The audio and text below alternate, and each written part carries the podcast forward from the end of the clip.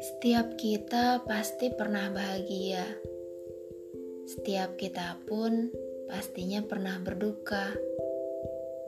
Kita hanya perlu memilih apakah kita akan bahagia atau kita harus menerima duka. Ya, karena hidup adalah sebuah pilihan maka tentukan pilihanmu dari sekarang. Jika kalian masih ingin mendengarkan ceritaku, maka pilihlah, pilih untuk mendengarkannya. Jika tidak, maka semoga lain waktu kalian dapat memilih untuk mendengarkannya.